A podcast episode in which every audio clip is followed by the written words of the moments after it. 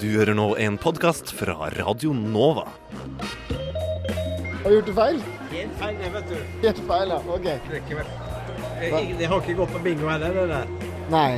Fordi det er mega... Fordi norsk, norsk er, jo, er jo mega smukt, smukt språk. Jeg tror at uh, dansk er det grimmeste av de skandinaviske språk. På Snapchat er dette bildet av en ape med briller. Novamix. Jeg har vært ute i Oslos gater for å høre hva de ulike kjedene som kiosker, restauranter og bakerier gjør med maten sin etter at de har stengt. Det første stedet jeg var innom, det var Baker Hansen på Majorstua. Dette er Kapitalen på Radio Nova. Vi eh, gir det, eller har samarbeid med Kirkens Bymisjon. Eh, Vi har også i julen så har vi samarbeid med Røde Kors og diverse andre ting. Eller det er hva heter det de røde, Nei, Blå Kors er det vel. De gir vi mat til, og så ja, ingenting går til kast, holdt jeg på. Eller eh, Så dere kaster ingen mat? absolutt ingenting. Nei? Og så har vi også samarbeid med Austdal gård, noe vi har eh, kornproduksjon med. Okay. De får også grisemat, da. Så noe av det går til grisene også. Men er det Baker Hansen sin visjon at de ikke vil kaste noe mat? Yes, det er det. Ja, Absolutt. Vi eh, har kastet ingenting av maten vår vi ikke selger da senere på kvelden. Vi eh, sender det tilbake til vårt bakeri, og så kommer de og henter det på bakeriet på Grini. Det var veldig fint å høre at eh, Baker Hansen ikke kaster maten sin og gir den videre til eh, både veldedighetsorganisasjoner. Men nå skal vi videre til et annet sted. Det er på McDonald's på Majorstua. Eh, allting som er gammelt kaster vi i sånne eh, sorteringsbokser. Eh, så det er ikke lov å ta hjem eller forsyne seg av maten selv, da. Og vi får ikke dele ut til andre heller. Nei, så alt blir kasta. Ja, Hva kommer det av? For det er jo mange andre som gir bort maten videre. Er det en policy dere har i eh, McDonald's, eller er det Eller Mattilsynet? Ja. Eh, det er McDonalds egna policy. Så det er ingenting Mattilsynet har å gjøre med, tror jeg. Ja. Det kan jo bli veldig mye om, om noen gjest får en gammel donut til eksempel, Ja. altså gratis. Da kanskje det blir noe skrevet i tidningen at det var at vi har solgt dårlig mat. Da. Det blir veldig feil. Nå går turen videre til eh, Starbucks. Starbucks er en av eh, verdens største kaffekjeder. Men i tillegg så selger de eh, bakevarer og baguetter, så det blir spennende å høre hva de faktisk gjør med maten sin etter at de stenger. Eh, Vi gir bort på, I helgene så gir vi bort maten til en institusjon som eh, trenger det, som er, ligger i området her. hvem er det som har fiksa det? En av de ansatte som jobber her. Så det er ikke sånn at alle Starbucks gjør det samme? Det er noe dere har gjort her? Det er noe man kan gjøre internt på avdelingene. Det har bare vært aktuelt helger. Eh, For vi er avhengig av at eh, vi kan få det hentet. At noen kan hente det. Nå skal jeg innom eh, Baker Samson eh, på Majorstua-krysset i Oslo for å høre hva de gjør med maten sin. Da pakker vi det i poser, og så blir brøda sendt til eh, Frelsesarmeen. Og de resterende varene blir sendt til en fabrikk som produserer kraftfôr for griser. Så det blir kverna til kraftfôr for de. Så ingenting går rett i søpla, alt går videre til en annen ting. Ja, så bra. Så det er ingenting som blir kasta her. Nå går eh, turen eh, videre til eh, Narvesen. Narvesen er en av de største kioskene i Norge. Kaster de maten, eller eh, beholder de den? Etter stengetid så svinner vi maten og kaster den i søpla, faktisk. Alt sammen. Alt er mat, for det kan ikke være til dagen etter. vet. Får du lov til å ta med deg mat hjem? Nei. Ingenting. Det var litt blunk der. Så alt blir kasta. Ingenting får lov til å ta med hjem? Nei. Det er jo veldig synd, da. Ja, det er kjipt, men sånn er det.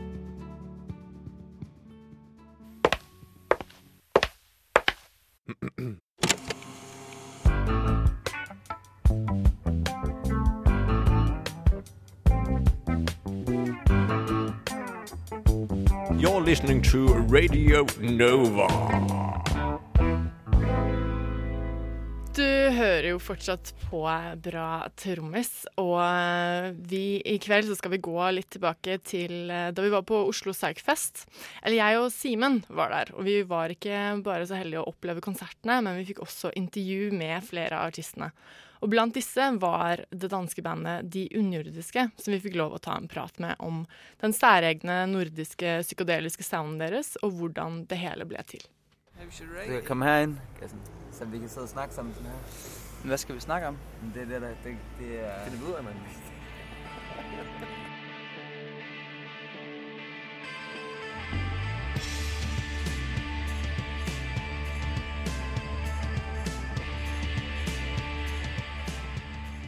Andreas og jeg mødtes i Aarhus. Og så sagde Andreas, at øh, han havde lavet noget musik. Så sendte han det til mig. Så lagde jeg noget vokal på. Så øh, sendte han det til Christian. Og så... Ja, det ved jeg ikke. Det er en kedelig historie, føler jeg lige nu. Point of no return. Point of no return. Men dere kjente hverandre fra før av? Øh, jeg kendte Andreas øh, en smule fra øh, back in the days. High school. Og, øh, men jeg kendte ikke Christian, som spiller guitar. Christian er min storebror. Vi er samme familie. Så vi, vi altid, vi altid øh, ønsket at lave et band. Og så skete det så, fordi Peter havde en speciel stemme, som vi godt kunne lide.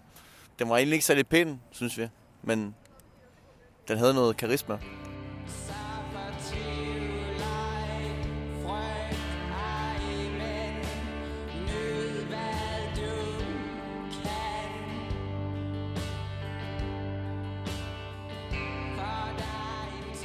Øh, I begyndelsen var jeg meget inspireret af Devendra Banhart. Alex Maas, vel også? Alex Ale- Maas, som synger i Alex Black Mas, Angels. Ja, Black Angels. Ja, det vil jeg også sige, ja. Men øh, når man begynder på at synge, og man aldrig har sunget før, så er det mest naturligt at prøve at, øh, hvad skal man sige, efterligne nogle andres stil. Øh, og det tror jeg var sådan måden, jeg ligesom fandt, fandt min egen stemme på i begynnelsen. For du har ikke gått til noen sangtimer eller eh, noe sånt? har du hørt vores plade? Ja. Nei, det har jeg ikke. Hva er det som har inspirert dere til å spille psykadelisk? Eh, I begynnelsen så bondet vi rigtig meget over Black Angels. Black Angels, øh, Black Rebel Motorcycle Club. Øh, Black. White. Al- ja. Det var meget det, der øh, startede det i begyndelsen. Men det føles også, som om det er meget lang tid siden. Ja, hvor lenge har dere holdt på? Øh, men kun i tre år, faktisk. Og da vi begyndte, der havde mig og Andreas, Andreas som spiller guitar, aldrig øh, øh, rørt et øh, instrument nærmest. Altså, vi havde aldrig spillet, spillet musik, spillet i band. Christian har spillet meget før i tiden. Så er det du som har lært dem eh, gitar og diverse? Lige præcis. Jeg har lært dem øh, alt, hvad de ved. Jeg tror også, jeg tror også vi, har, vi, har, vi har været meget heldige, fordi at, øh, vi havde manglet, manglet nogen til at spille bas og trommer. Så vi har fået to rigtig gode venner med, som spiller i øh, nogle band. De har meget erfaring. Et fantastisk psych-band, som hedder The Wands, og et postpunk-band, der hedder Woken Trees, spiller de.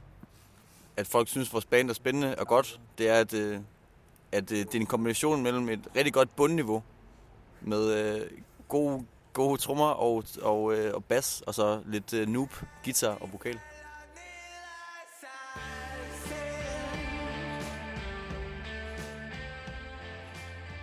Hvorfor synger dere ikke på engelsk? Hva er det som har gjort at dere har valgt eh, dansk?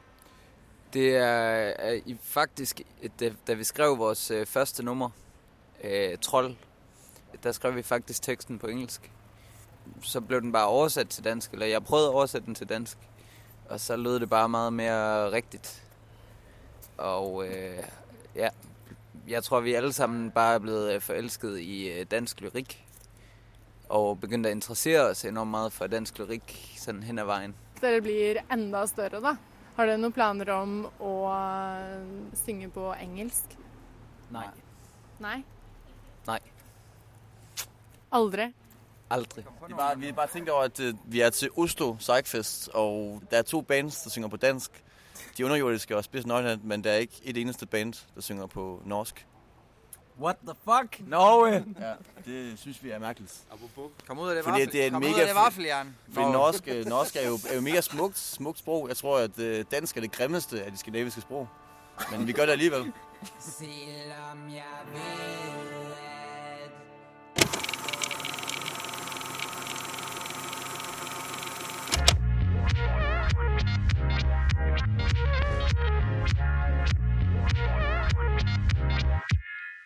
Du hører nå en podkast fra Radio Nova.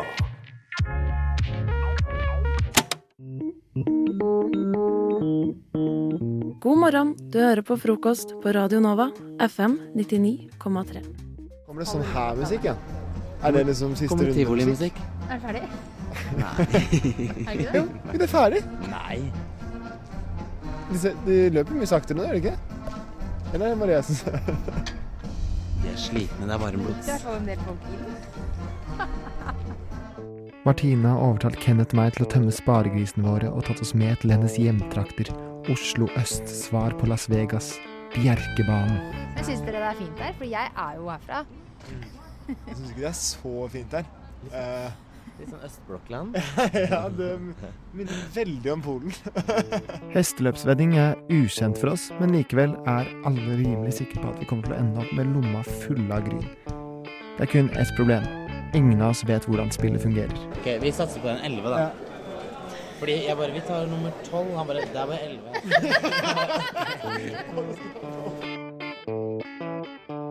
det er ikke sånn at jo mer hester man velger, jo mindre penger får man på en måte hvis Nei, man for vi har jo satser jo fem, en femmer per uh... test. ja, ikke sant. Jeg prøver å levere en Nei, nå har jeg prøvd å fylle ut en sånn uh... Dette var i hvert fall ikke riktig. Det var ikke riktig. Aha. Har vi gjort det feil? Helt feil, det, vet du. Helt feil, ja. Ok. Det, ikke det, det har ikke gått på bingo heller, det der. Nei. En, fem kroner sånn. Å ja, man skal sette strek og ikke runding. Vi får omsider satset pengene våre på en hingst vi har trua på.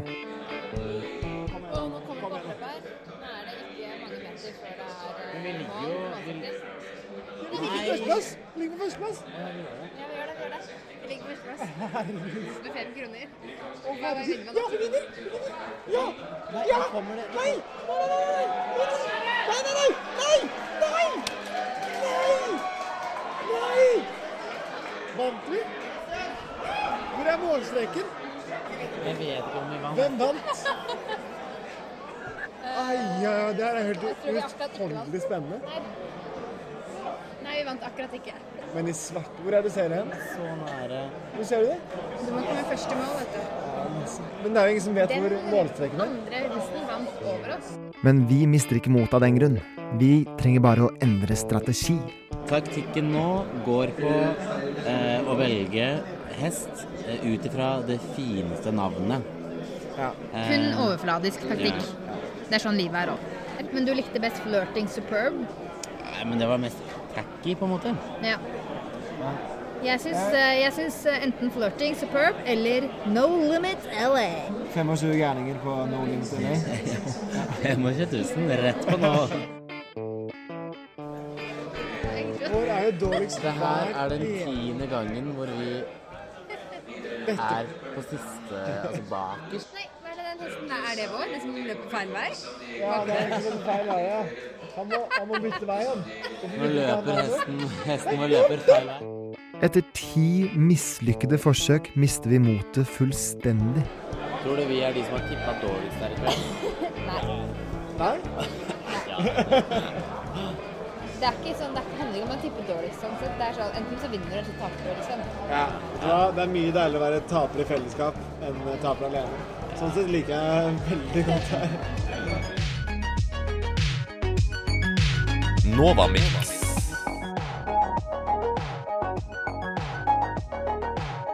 Du hører nå en podkast fra Radio Nova.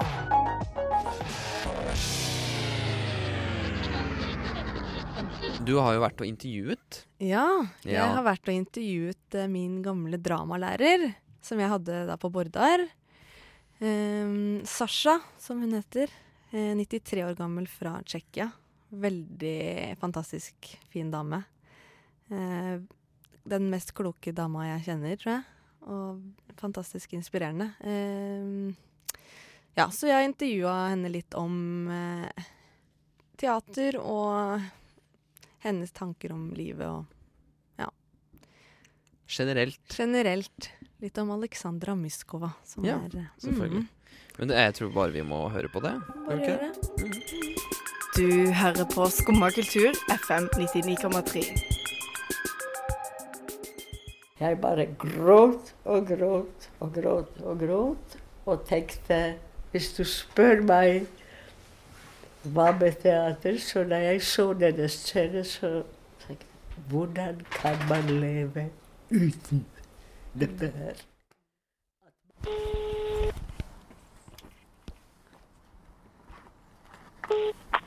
Ja? Hei, nå er vi her. Ålreit, jeg skal prøve å Prøve å følge. Ja, så bra. Aleksandra Myskova, bedre kjent som Sasha, er en tidligere tsjekkisk skuespiller og dramalærer. Den 93 år gamle damen møter oss i døra til leiligheten hennes på Grefsen, sammen med schnauzeren Jippi. Hvem vil ha melk eller sukker? Jeg kan godt ha litt melk. Jeg tar også litt melk. Ålreit. Vi sitter rundt det lille bordet i stua, som er full av planter, bilder og bøker fra et innholdsrikt liv. Sasha setter seg ytterst på stolen, og øynene hennes stråler bak de små brillene. Den lille damen ivrer etter å dele sin klokskap om menneske og teater. Jeg begynte 15 år gammel på teaterskolen. Begynte å spille eh, bitte lite teater bra som heter Teater for 99. Det var krig. Og så var, dro jeg med en av mine lærere på turné, hvor vi spilte sånne store verdensdialoger. Som treåring opplevde hun for første gang gleden av teater. I årene som fulgte, reiste hun rundt og hadde fast jobb på flere av de store teaterne i Praha. I 1968 dro hun til Norge for å undervise på Statens teaterhøgskole, og der ble hun i 20 år. Og vel så det. Husker at jeg har sagt en setning om jeg skulle noen gang bruke det forferdelige ord karriere, så vil jeg gjerne begynne å undervise når jeg blir før. Det gikk! Jeg- jeg er fryktelig glad i unge mennesker. Først og fremst unge mennesker som vil noe. Som har liksom følelser de har noe å gi.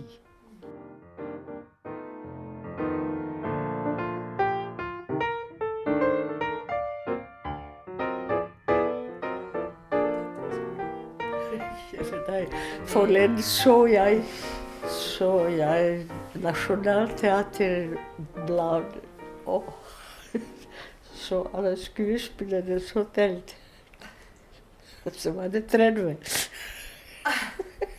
Som du har hatt? Så de fleste er besteforeldre nå. Eh, Nei, så Ansiktet til Sasha lyser opp når hun snakker om lidenskapen sin. Den lille damen hopper opp og ned i stolen og bruker hendene aktivt for å formidle det hun mener er det viktigste. Menneske. Menneske. Hva er dette yrket? Dette yrket handler om menneske, menneskesyn, mennesketvang, mennesketanke, menneskefølelse. Og det, det gjelder å berøre mennesker.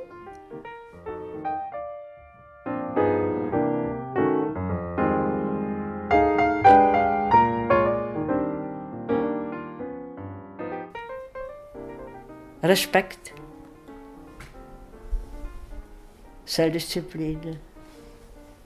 Ydmykhet. Og de tre ord for meg inneholder alt det andre.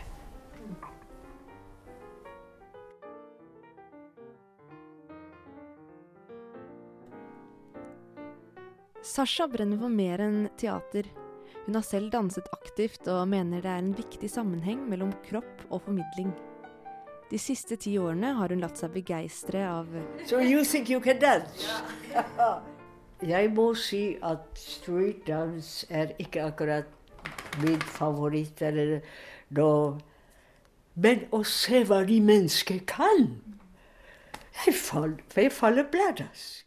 Hun har flere tanker rundt det å vokse opp i dagens samfunn. Selv holder hun seg ung ved å skype med venner fra hele verden, lage mat og daglige turer med hunden Jippi. Jeg syns at vi skulle prøve å jevne kløften mellom den tekniske og åndelige utviklingen i verden. Det, det føler jeg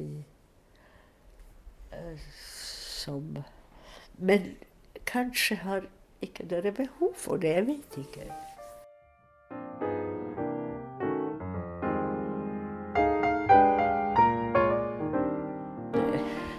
Jeg syns den tekniske utvikling i verden går enormt fort. Og det er sikkert menneskenes beste. Men på annen side Det skulle ikke gå på bekostning av det, av det åndelige. Eller emosjonelle. At eh, det skulle være en viss balanse. Etter timer med vise ord og inspirerende historier er det på tide å vende hjem denne mørke oktoberkvelden. Vi drar fra Sasha og Jippi litt klokere enn da vi kom.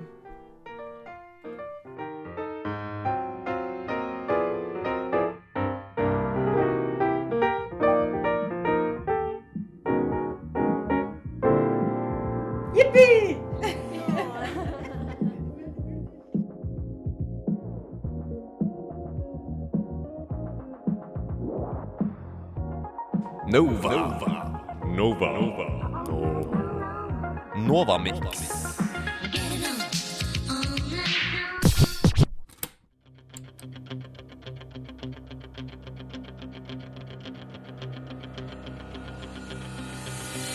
Boksing, blod, svette, tårer, Rocky Balboa, Mike Tyson.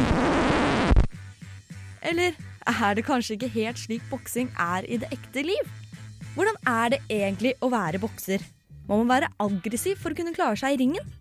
Jeg møter tidligere europamester i boksing, Lotte Lien, på Ørnhoff bokseklubb for å høre mer om hvordan boksing egentlig foregår.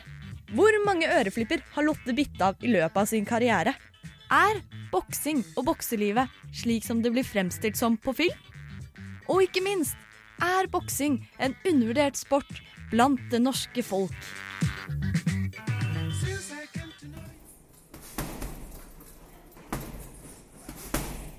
Det er jo veldig mange som eh, har eh, kommet til på boksegymmen og bruker boksing på Sats, Elixia og andre treningssenter.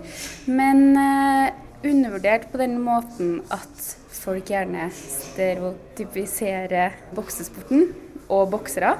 Og kanskje har fordommer mot sporten, da. Tenker at den er voldelig, at det er mye aggresjon. Gjerne har de der eh, bildene på boksere som Rocky. Så det er et veldig annerledes bilde på sporten enn hva det jeg assosierer med boksing. da. Uh, og jeg tenker liksom at uh, vi må bryte med de her uh, fordommene og stereotypiene av boksing, fordi det er en jævla fet sport. Lotte forteller at folk gjerne blir litt forvirra når hun forteller om at hun er en bokser. Hun passer liksom ikke inn i beskrivelsen folk har av hvordan en bokser skal se ut og oppføre seg. Ofte så blir jeg møtt med spørsmål om at hæ, kan du bokse? Du ser ikke ut som en bokser. Og da stiller jeg gjerne spørsmålet hvordan ser en bokser ut? Er det ikke helt OK at en jente som ja, liker å bruke neglelakk av og til og eh, ikke gå bare i slacky joggebukse, kan drive på med sporten? Folk blir gjerne overraska fordi de ikke tenker at jeg er aggressiv nok til å drive med boksing. Og så når vi diskuterer boksing, så vil folk gjerne argumentere for at boksing er en aggressiv, aggressiv sport. Og det for meg har ikke noe med aggresjon å gjøre. Hvis du blir for aggressiv i en kamp, så tipper det gjerne over til at du ikke tenker taktisk og gjør de riktige valg du må gjøre i ringen. da. Jeg fikk faktisk tilbakemelding fra treneren min om at jeg måtte bli litt sintere i ringen. For jeg kunne være litt for snill. Men det gikk jo bra for det. Boksing handler det altså ikke bare om å banke den andre eller å få ut aggresjon. Lotte forteller at respekt for hverandre er essensielt når man skal bokse. Det er veldig herlig med boksesporten, fordi du må på en måte bryte veldig mange intimsoner når du går inn i si en slagveksling med annet, en annen person. Da. Så det skal være veldig mye respekt i bunnen når du er på treningslokalet, sånn at du kan stole på partneren din. Du samarbeider selv om du går mot den andre, da.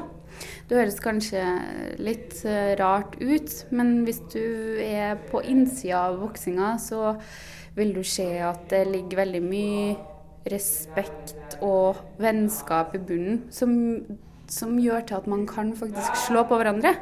Det er veldig fint. Ok, så kanskje boksing ikke er helt slik det blir fremstilt som på film. Lotte slår meg i hvert fall ikke som en Rocky. Men har hun kanskje noen gang bitt av en annens øreflippe? Aldri!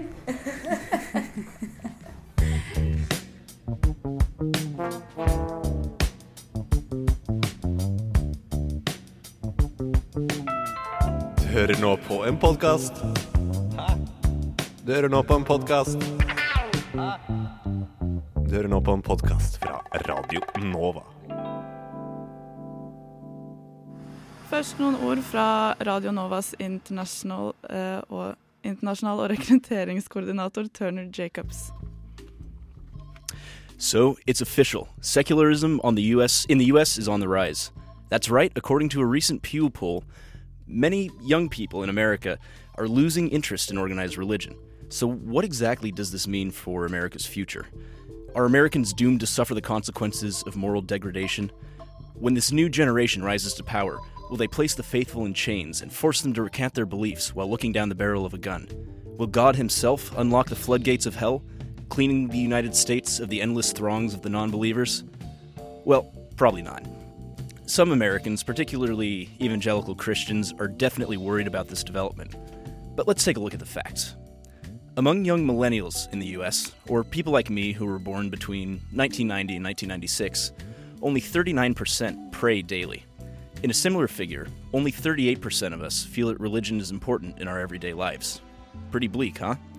Well, not quite.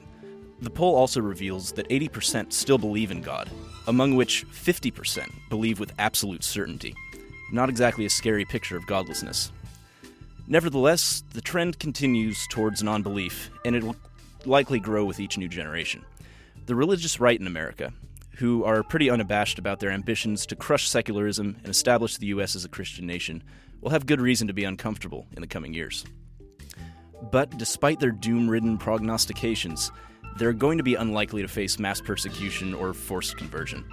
They're simply going to have a more difficult time trying to regulate other people's morality, and they're not going to be able to pass intolerant laws anymore.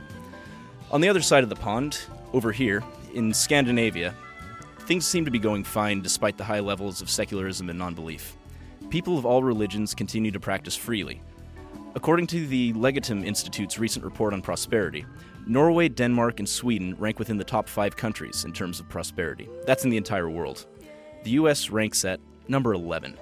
Uh, it's not terrible, but it's hardly the hallmark of the greatest country in the world. Without presuming too much, it seems fair to say that secularism in Scandinavia has, if anything, led to a more stable, peaceful, and prosperous society. Of course, there are other factors involved, and of course, the Scandinavian countries aren't perfect. But Scandinavian but Scandinavia seems to prove religious fundamentalists in America wrong when they attribute the US's problems to declining religiosity. Ultimately, the outcome of this development remains to be seen. But until then, God can rest easy knowing that 80% of 18 to 25 year olds in America still believe in Him.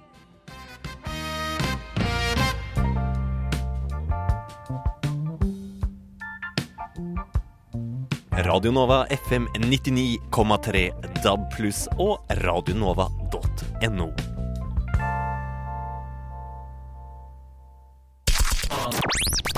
Sannheten bak sannheten. Radiotjenesten FM 99,3. Fra middelaldrende menn til litt eldre middelaldrende menn. Eh, Bildetjenesten Snapchat har vært i hardt vær etter at de lanserte oppdateringen som krever at du går med på at selskapet eier alle bilder du deler på den såkalte storyen din. En innskrenkning av rettigheter? En normal prosedyre? Et gudløst sted midt imellom? Vår tech-oppdaterte seniorreporter Nils Tanja Olsen har mer. Jeg heter bare Lisa Eplestad, ikke Lisa Risotto Eplestad. Ja, ja, ja, men fortell nå da, Eplestad. Ikke før du anerkjenner at jeg ikke heter Risotto til mellomnavn. Dette sier Lisa Risotto Eplestad, kommunikasjonssjef i Snapchat Norge. Ja, for kommunikasjonens evolusjon har vært en lang og komplisert en. Helt fra Homo erectus med sine primitive lyder til tidlig Homo sapiens lærte å bruke språk. Deretter kom 1800-tallet og datidens brev. Helt til 2000-tallet brakte oss tidlige utgaver av chat, med dertilhørende ASL og nettsextall. Nå er året 2015, og Snapchat er vår foretrukne kommunikasjonsform. Men hva er egentlig Snapchat, og hvorfor er det på alles lepper nå?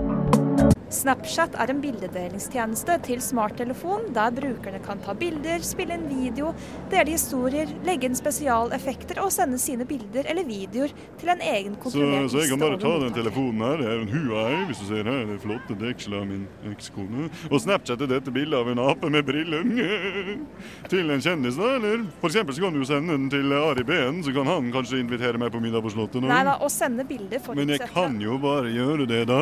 Jeg kan jo det. Nei, du kan ikke Jeg kan jo bare gjøre det, da. Vet du hva, Tanja Olsen, jeg har hørt at du liker å bruke denne overbærende, herskete Å sende bilder av hva som helst til hvem som helst, som de både ser og ler av, er vel og bra, det. Men Snapchat har vært under massiv kritikk den siste uken etter at nye oppdateringer kom. Nå er det nemlig slik at Snapchat eier alle bildene dine.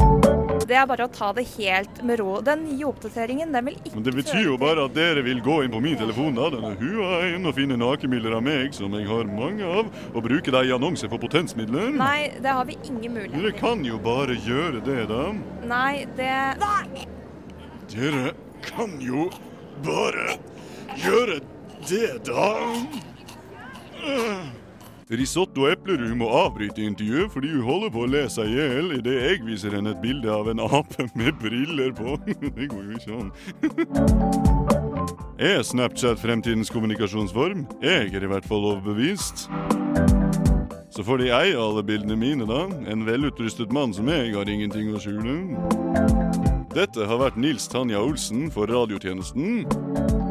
For radiotjenesten Nils Tanja Olsen. You're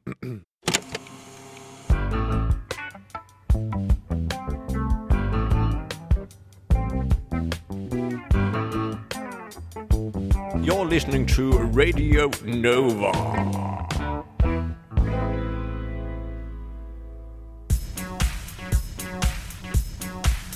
Hæla i taket med Vitenselskapet.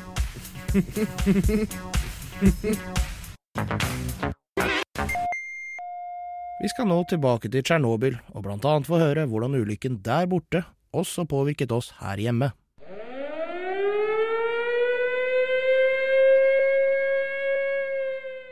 Natt til 26. april 1986.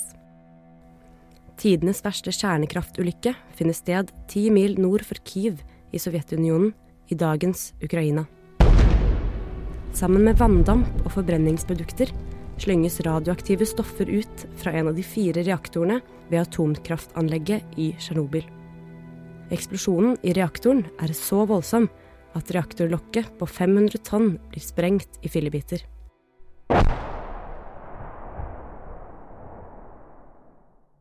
Omtrent 400 mennesker arbeidet på anlegget i Tsjernobyl.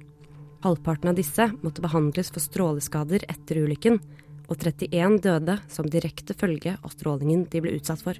I tillegg ble flere av menneskene som jobbet med å slukke brannen og begrense skadeomfanget av ulykken, utsatt for så mye stråling at de døde av akutte stråleskader eller av senskader. Men ulykken fikk ikke bare konsekvenser for de som arbeidet ved kjernekraftverket. Da reaktoren eksploderte, ble store mengder radioaktive isotoper, spesielt J131 og cesium-137, slengt ut i troposfæren. Disse radioaktive partiklene festet seg til regndråper og kom tilbake til bakken igjen sammen med nedbøren. Rundt halvparten av den frigjorte radioaktiviteten falt ned i områdene rundt kjernekraftverket. Plutonium og strontium-90, som er vanskelig for å fordampe, endte for det meste opp her. Pga. vindretningen falt mye av den radioaktive nedbøren også over de skandinaviske landene. Sverige var først ut til å oppdage at radioaktive stoffer fra Tsjernobyl hadde spredd seg til utlandet. Utenom Sovjetunionen var Norge det landet som ble hardest rammet av radioaktivt nedfall i etterkant av ulykken. Men hva skjer egentlig når regnet blir radioaktivt? Når radioaktive stoffer regner ned på bakken, vil de sammen med regnvannet bli tatt opp av sopp, gress, lav og andre planter. Disse plantene blir så spist av dyr som beiter i området, og slik sprer de radioaktive isotopene seg i næringskjeden. Strålingen fra slikt spredt nedfall er forholdsvis svak, men utgjør allikevel en betydelig risiko ettersom nedfallet akkumuleres oppover i næringskjeden. Det betyr at selv om mengden av radioaktive stoffer er relativt lav i f.eks.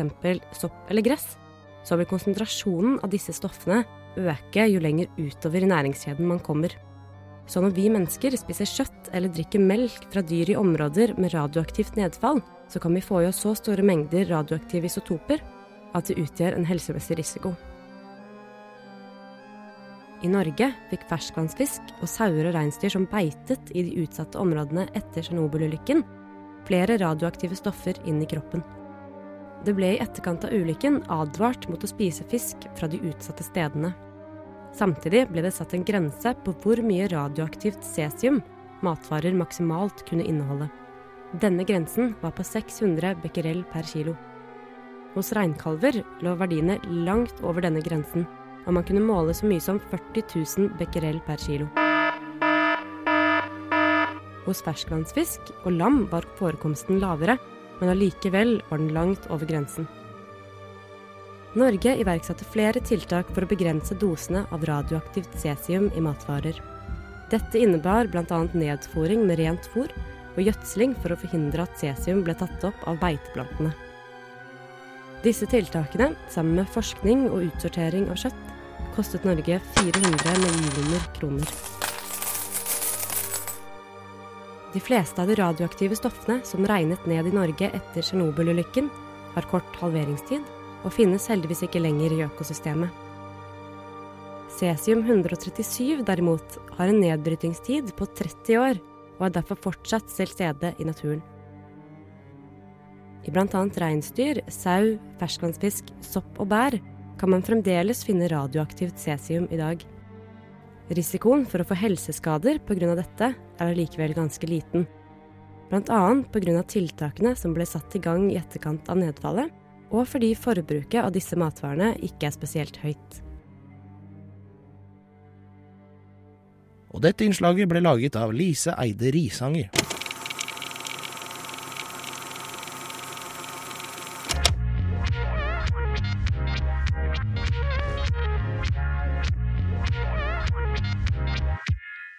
Du hører nå en podkast fra Radio Nova. Nova Noir. Og for å anmelde ukas kinopremiere, så måtte vi ha besøk i studio, vi. Eh, Adrian Holm. Ja, hei, god dag. Velkommen, velkommen. Takk for det. Hva har du sett denne uka? Um, den uh, filmen jeg har sett som jeg skal anmelde, er uh, James Bond Spektre, som Mm. jo er den uh, fjerde Bond-filmen i Daniel Craig-epoken. Og den 24. filmen totalt. Ja, det hadde jeg ikke telt, men jeg stoler på deg. Ja. Uh, ja, denne filmen dreier seg jo om uh, James Bond som får en, en slags kryptisk melding fra fortiden som handler om en mystisk organisasjon som man aner at kanskje har en sammenkobling med de tidligere tingene som har skjedd i, i Craigs Bond-filmer. Og samtidig som da Bond må ut i verden for å undersøke dette, så blir også MI6 truet med nedleggelse i London. Well, I can tell you that I don't trust you. Well, then you have impeccable instincts. If you don't leave now, we'll die together. I can think of worse ways to go. Then you're obviously crazy, Mr. Bond. James Bond. I have a question. Well, what's that? Why, given every other possible option, does a man choose the life of a paid assassin? Well, it was that or the priesthood. Og eh, når vi snakker om Bond, så er det ingenting som Du nevnte at det var Dan og Craig-universet, men det er ingenting som er viktigere i Bond enn skurken. Nei. Det stemmer. Det er jentene. Sorry. I denne filmen så er det Christoph Waltz, uh, som er Ja. en skuespiller jeg alltid har drømt om skal spille Bond skurk. Mm, det er samme her. Jeg har aldri vært sånn veldig opptatt av Bond. Jeg har ikke vært en Bond-fanatiker, på en måte, men alltid liksom likt litt disse tropene. Og da Christoph Waltz eh, ble bekreftet at skulle spille Bond-skurk, så tenkte jeg at det er jo helt perfekt. Eh, Så jeg ble veldig gira av det. Eh, Han har en veldig sånn liten sånn scheming, skurkeaktig framtoning. Men hvem er det han spiller i filmen? Eh, Han eh, spiller eh, lederen for denne organisasjonen Ja. som Bond går inn for å utforske. Og identiteten hans er på en måte litt sånn Altså Man vet jo hele tida at det er han som er skurken, men uh, navnet hans uh, har han liksom endret, da fordi han har en tilkobling til Bond fra ungdomstiden. Ja, ok. uh, Så det er et mysterium ved siden av i tillegg, da, rundt dette? på en måte, selv om man ser det komme veldig fort. på en måte. Um, men uh, Christoph Waltz er, var i begynnelsen av filmen så var han en utrolig spennende og skummel skurk, på en måte. Ja. Uh, han blir på en måte introdusert på et sånt uh, stort uh, skurkemøte, på en måte, hvor han er sånn i skyggen og han er ve- veldig skummel. Um, men han faller litt gjennom eh, et, i siste halvdel av filmen, hvor han eksponeres for mye, og man, man skjønner ikke helt hvorfor den fyren her er skummel, egentlig. Ja, Han bare, han bare sier liksom Jeg er en slem fyr, og jeg skal gjøre slemme ting. Eh, Han gjør aldri noe som viser eh, Altså hvor, eh, hvorfor han her er en fyr som han bør være redd for, da. Ja, for Hvis vi sammenligner Christoph Waltz med andre filmer Han har spilt skurk før, spesielt i Inglourious Mm. Bastards. uh, eh, Hans Landa, Mm. uh, som han spiller der sånn, er kanskje en av de ekleste karakterene gjennom filmen noensinne. Ja, helt fantastisk. Uh, hvordan går det an å sammenligne? Det er jo Tarantino, det er jo et helt annet univers. Men det, det er en, han, har, han har en viss, uh, li, visse likhetstrekk med Hans Landa, men ja. uh, helt andre motivasjoner og sånne ting. Um, problemet blir bare at i uh, Glorious Bastards, så, så hvor han gjør en helt fantastisk rolle, så er han eh, han får oftere vise sine skuespillerferdigheter og tar oftere kontroll i sånn utrolig suspensfylte scener, Ja. mens eh, i Spektrum Spectre så faller det litt igjennom. Det er ikke det at han, er, han spiller dårlig, det er det at manuset har litt lite å gi han. Ja, ok. Fordi eh, det er jo også verdt å nevne at han vant jo Oscar for beste birolle Mm. for eh, Django Unchained. Nei, Inglourious Bastards. Han var nominert for Django, vant ikke. Nei vel Det er jeg sikker på. Ja, hvis du sier det sånn. Siter meg på det, folkens. Eh, Jeg lover. Det er nå på Eh, radio, du kan ikke ta det tilbake. Nei. Uh, Inglorious Bastards var jo der han spilte skurk. I Django spilte han jo snill. Mm. Uh, og skurker er jo alltid uh, vanskeligere å spille. Eh, men Daniel Craig, da? Hvordan klarer han seg? Vi er litt delte i eh, studio ja, her. fordi jeg liker ikke Daniel Craig som eh, James Bond, fordi jeg mener at han ikke eier sjarm. Eh, Men se bort ifra de forrige filmene. Hvordan klarer han seg i Spekter? Hvis jeg ser bort fra de forrige filmene, Ja. um, så tenker jeg at Jam, altså Daniel Craig er en helt OK Bond. Han er på en måte ganske uttrykksløs og litt kjedelig, men han er på en måte Uttrykksløsheten går på en måte sammen med det kalde bildet man som i hvert fall den moderne James Bond har. da, At han skal være litt sånn stille og kynisk og ikke ha så mye følelser, kanskje. Ja, for, for, for meg så har alltid eh, det jeg har likt med Daniel Craig, er den mer konsentrerte Bond. Eh, andre bånder har alltid vært litt sånn slappe på mange ting og eh, driter seg litt ut og sånt. da. Ja, men det er liksom det som er James Bond. Det er Ja. det jeg mener. At det, det blir liksom helt feil å dra James Bond inn i en litt sånn kynisk eh, eh, og litt mer voldelig stille person. Fordi han er, en, han er en karakter som liksom faller inn i en situasjon og sjarmerer jenta og faller ut av situasjonen og liksom klarer å skyte litt her og der. Det er det som er James Bond for meg. Så vi passer litt på å ikke bare snakke om Daniel Craig. Ja. Eh, du snakka en del om manuset i Ja. filmen, eh, og at det var det som falt igjennom, i hvert fall eh, Chris Waltz sin prestasjon. Mm. Eh, hvordan er generelt manuset gjennom filmen?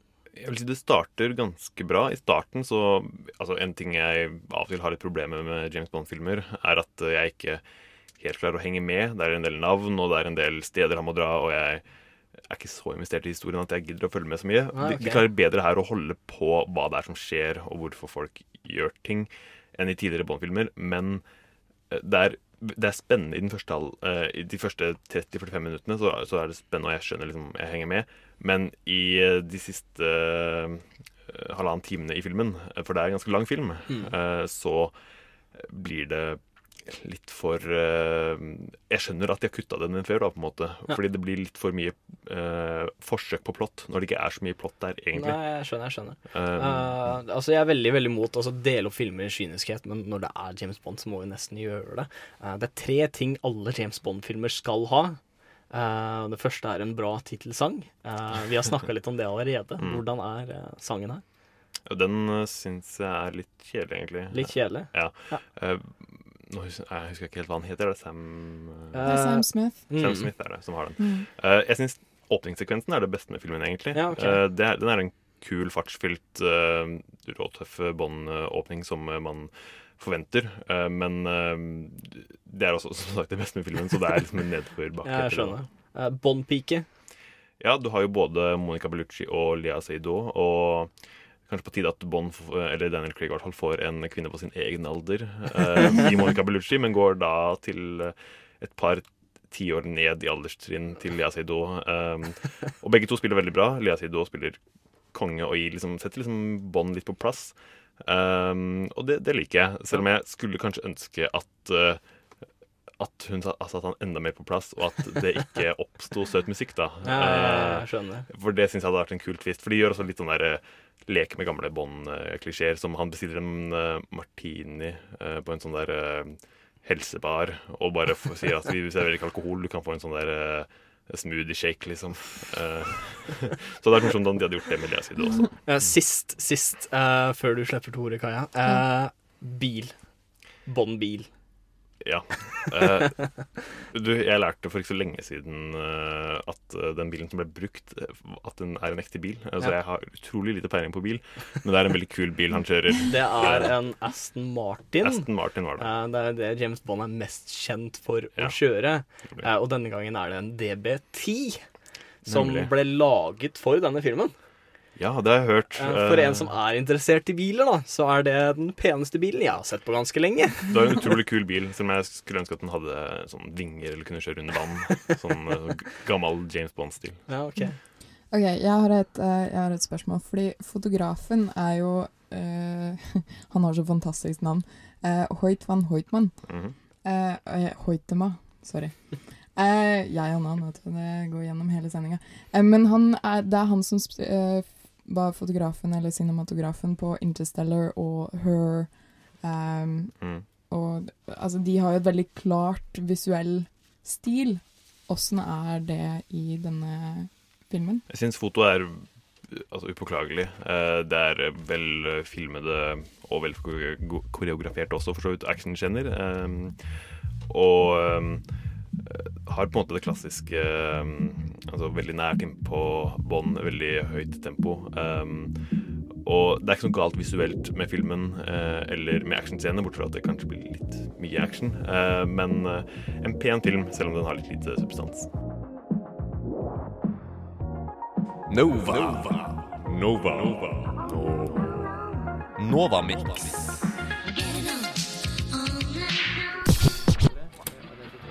Mix. Du hører på samfunns- og aktualitetsmagasinet Opplysningen 99,3 på Radio Nova. Opplysningen 99,3 på Radio Nova. Pio Pio, generalsekretær i den bumesiske studentunionen, ble 10. mars i år arrestert sammen med 70 andre studenter, kun på bakgrunn av en demonstrasjon mot landets nye grunnlov, nei, utdanningslov. Samtidig skryter myndighetene om kapp for å fremme Myanmar som et nylig demokratisert land med pressefrihet, organisasjonsfrihet og ytringsfrihet. Vi i Opplysningen syns denne kombinasjonen skurrer litt, og har i den forbindelse invitert Amnesty i studio for å få en oppdatering om menneskerettighetssituasjonen i landet. Med oss i studio har vi Katinka Troy, aktivist i Amnesty Blindern, som jobber med aksjon for å få løslatt Fjo Fjo. Velkommen. Takk, takk. Først og fremst, hvem er Fjofjo? Fjo? Pio Pio hun er en studentaktivist, og som du nevnte, så er hun leder for uh, studentorganisasjonen i Myanmar. En av de største, av BFSU. Hun er nå en samvittighetsfange fordi hun ble fengslet etter at hun deltok og organiserte en demonstrasjon mot den nye utdanningsloven. Hun har vært uh, aktivist hele livet og har tidligere vært fengslet. Så hun satt under safranrevolusjonen, så ble hun arrestert og har sittet tre år tidligere. Ja. Eh, denne utdanningsloven som studentene demonstrerte mot, eh, hva går den egentlig ut på? Den eh, utdanningsloven den ble jo vedtatt uten at myndighetene snakket med studentene. Og den innskrenker en rekke friheter for studenter. Blant annet så vil det ikke være mulig å bli undervist på flere språk, noe som eh, utestenger veldig mange minoriteter og etnisiteter. I tillegg så er det ikke mulig å få godkjent foreninger ved universitetene. Så de studentene som organiserer seg, vil ikke få det godkjent. Og i tillegg så vil det være mindre frihet for selve universitetene i forhold til Utdanningsdepartementet. Det mister de gjennom den nye loven. Mm. Kan du fortelle litt mer om forholdene for studentene i Myanmar? Det er eh, ganske tøft å være student i Myanmar, i hvert fall hvis du er imot eh, myndighetene. Det er jo veldig innskrenkning på ytrings- og forsamlingsfrihet. Eh, så de studentene som demonstrerer, de blir arrestert. Eh, som da Pjo Pjo og 70 andre aktivister ble. Eh, I tillegg så er det slik at eh, myndighetene de har kontakt med lærerne, og de, de studentene som de anser som litt rebeller, på en måte, de får beskjed om at lærerne de må overvåke dem. Så det er veldig lite friheter på universitetene. Um, og i tillegg så er det sånn at dersom du blir arrestert uh, som student, og du blir uh, innesperret uh, mer enn to år, så må du ha tillatelse fra myndighetene for å kunne fortsette studiene. Og det er jo veldig få som får godkjenning fra myndighetene, med mindre de sier at de ikke skal være aktivister lenger. Pres President Thein Sein jobber aktivt for å gi Myanmar et bedre rykte internasjonalt, bl.a. med at landet har pressefrihet, organisasjonsfrihet og full ytringsfrihet. Kan du si noe om hvordan det egentlig står til med menneskerettighetene i Myanmar? Det var jo i 2011 så var det veldig mange som trodde at situasjonen kom til å endre seg ved at det ble mer pressefrihet. Og i 2012-2013 så var det flere 100 samvittighetsfanger som ble løslatt. I tillegg ble det jo lovet både politisk og økonomiske reformer. Men tingen er at virkeligheten på bakken er en helt annen. Blant annet er det jo nå langt flere samvittighetsfanger som sitter fengslet. I 2013 så kunne Amnesty registrere at det var to stykker som fortsatt var samvittighetsfanger, og i dag så er det rundt 110 som er samvittighetsfanger som sitter fengslet. Så det er veldig annerledes, og de har veldig mange lover som innskrenker frihetene. Både for studenter og for andre aktivister og menneskerettighetsforkjempere. Og også litt sånn brede og diffuse lover som gjør det enklere å fengsle mennesker fordi man ikke helt vet hva som inngår i de lovene. Og blant annet er det ikke lov til å delta i en ulovlig protest eller demonstrasjon. Og da må man jo få godkjenning, og det er veldig sjelden at man får godkjenning for å være kritisk mot myndighetene. I hvert fall i et land hvor de prøver å innskrenke de frihetene og vil gjerne at folk skal tro at de er veldig mye bedre.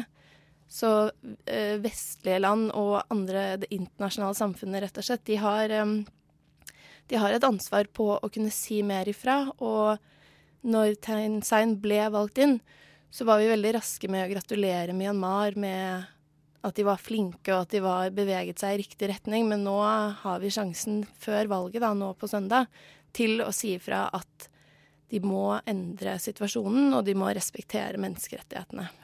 Valget er jo et, eh, et nøkkelord. fordi selv om landet skryter av å bli et demokrati, så vil 25% av alle setene i parlamentet fortsatt være den gamle eliten fra militæret.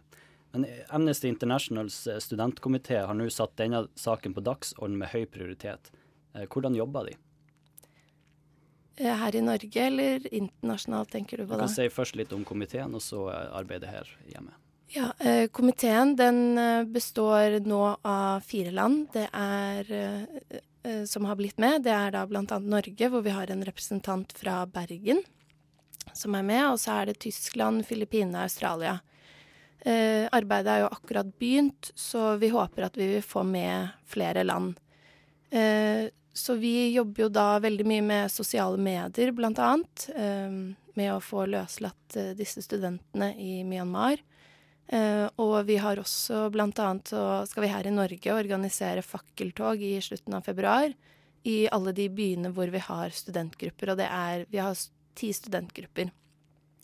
Og nå på mandag så skal Amnesty Blindern vi skal samle inn underskrifter for Pjo Pjo og for løslatelse av de andre studentene.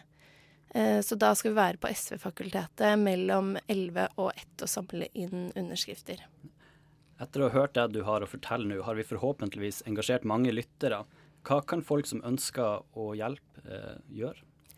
Det er veldig mye man kan gjøre. Man kan, vi har jo denne aksjonen på PioPio. Den ligger jo ute da på amnesty.no, og den kan man signere.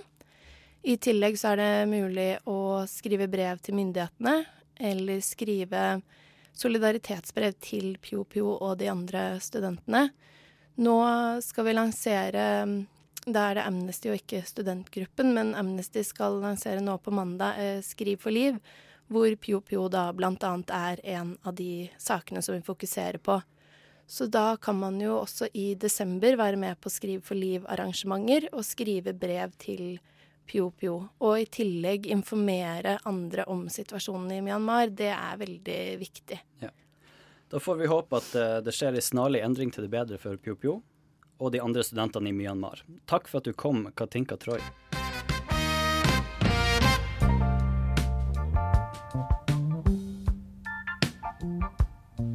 Radio Nova FM 99,3 DAB og radionova.no.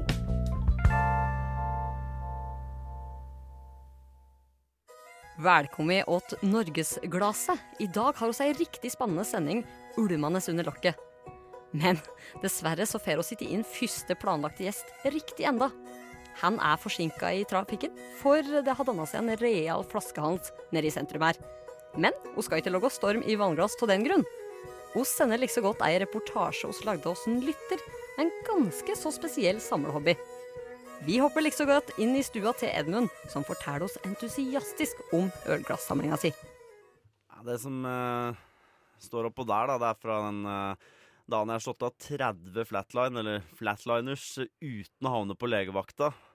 Så har du den, eh, den eh, lille greia her, da. Det er fra en dag eh, dama faktisk forsvant eh, en times tid sammen med sikkerhetsvakta på utestedet. og så kom begge to tilbake, da, og da kasta han jævelvakta meg like så godt ut, da.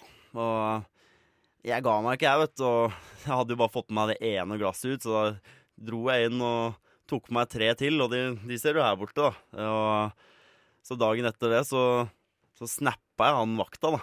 Og så skrev jeg under så skrev jeg sånn 'win', ikke sant. Det var egentlig en jævlig artig historie. og så ordna det seg med hun dama, da. Jeg er jo en ganske real kar, jeg. Så vi snakka ut, og tenkte sånn Nei, jeg har jo liksom ikke vært så grei mot hun, da. Og da tenkte jeg er det noe ølglasshobbyen min har lært meg, så er det at kvinner og ølglass, det må du faen meg behandle med respekt. Å si at Edmund har mange glass, ja, det ville være å underdrive. 743 glass telte jeg på morgenopptellinga der, faktisk. Med et så imponerende antall er det kanskje ikke så merkelig at Edmund holder nøye overblikk over samlinga. Ja, Faktisk teller han glassene hver morgen, middag og nattestid. Nei, du veit, kan faen ikke være sikker. Vet. Det er liksom den andre tingen jeg har lært. da, og det er spesielt ikke når jeg bor med hun møkkakjerringa her, vet du. Nei, men eh, jeg kødder selvfølgelig, men uh, alvorlig talt, så det har jo faktisk hendt at uh, tallet på morgenopptellinga ikke har matcha med det som uh, kom fram til på nattellinga dagen før, da. Og vet ikke, det er liksom ikke sånn at det er noen andre som er innom her, ikke sant? Med mindre det er liksom han uh, jævla vodka Red Bull-drikkende sikkerhetsvakta som har sniket seg inn da, liksom for å sjekke legget til møkkakjerringa jeg bor med. Nei, men nei, du skjønner hva jeg mener, ikke sant? Sjøl om Edmund har mange glass, så er det noen glass Edmund foretrekker framfor andre. Nei, jeg må nesten trekke fram eh, ølglass som er forma som kroppen til ei deilig naken dame, for eh, det syns jeg er jævla moro. Det er liksom favoritten, det, ass. Men uh, utenom det, sånn litt mer vanlige greier, så, uh, så liker jeg jævla godt det klassiske halvlitersglasset til Ringnes. Det er liksom, det er veldig sånn tilgjengelig og fint, men uh, faen og det duger, ass. Ja, at Edmund er glad til å samle på ølglass, det er i alle fall klart som glass.